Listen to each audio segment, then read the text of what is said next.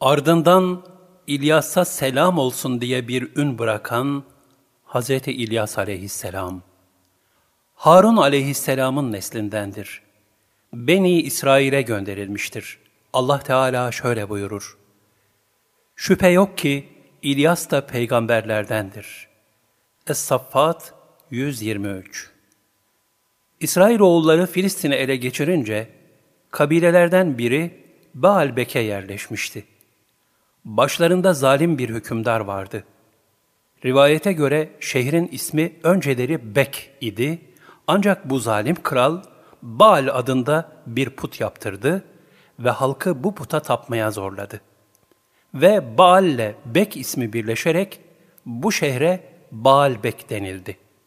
İşte Hz. İlyas, tevhidden uzaklaşıp şirke düşenleri hakka davet etmek üzere bu beldeye peygamber olarak gönderildi.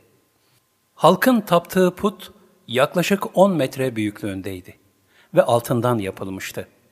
İlyas aleyhisselam bunlara, Baal putuna tapmaktan vazgeçiniz.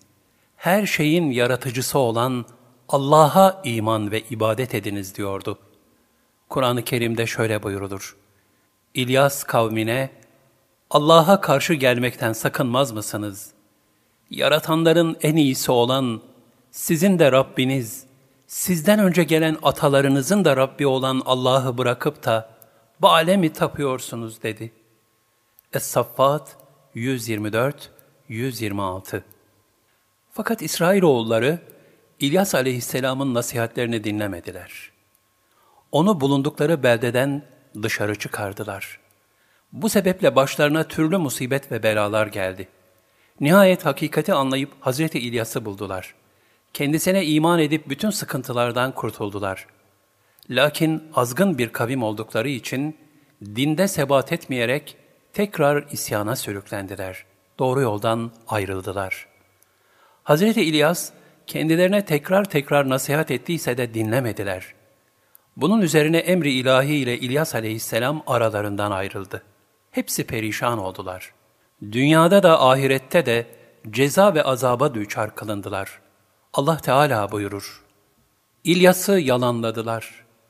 Onun için Allah'ın ihlaslı kulları müstesna, onların hepsi cehenneme götürüleceklerdir. Es-Saffat 127-128 İlyas aleyhisselam, Baalbek'ten ayrıldıktan sonra bir köye uğradı. Oradaki insanları imana davet etti. Onlar da bu ilahi daveti kabul ederek kendisinin yanlarında kalmasını istediler. İlyas aleyhisselam ihtiyar bir kadının evinde misafir oldu. Kadının hasta bir oğlu vardı. Hazreti İlyas iki rekat namaz kılarak çocuğun şifa bulması için Allah'a dua etti, çocuk iyileşti. Sonra İlyas aleyhisselamın yanından hiç ayrılmadı. Ondan Tevrat'ı öğrendi. İsmi El-Yesa idi. Hülasa İlyas aleyhisselam da kubbede hoş bir sada bırakarak yüce Rabbine kavuştu. İlahi lütuf ve iltifata mazhar oldu. Onun hakkında ayet-i kerimelerde şöyle buyuruldu. Sonra gelenler için de kendisine iyi bir ün bıraktık. İlyas'a selam olsun dedik. Şüphesiz biz ihsan sahiplerini işte böyle mükafatlandırırız. Çünkü o İlyas elbette bizim mümin kullarımızdandı. Es-Saffat 129-132 Rivayet olunur ki İlyas aleyhisselam, ölüm meleği olan Azrail'i görünce dehşet içinde ürperdi. Azrail aleyhisselam da bunun sebebini merak ederek, ''Ey Allah'ın peygamberi, ölümden mi korktun?'' diye sordu. İlyas aleyhisselam cevaben, ''Hayır, ölümden korktuğum için değil, dünya hayatına veda edeceğim için bu haldeyim.'' dedi.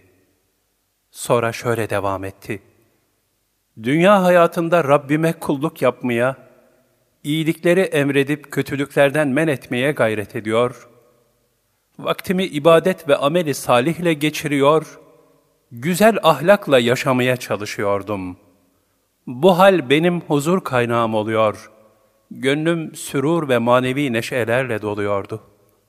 Ölünce bu zevkleri ve lezzetleri yaşayamayacağım ve kıyamete kadar mezarda rehin kalacağım için üzülmekteyim dedi. Aleyhisselam.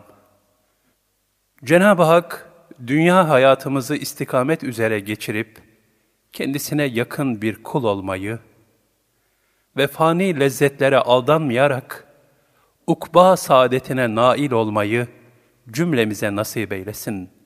Amin.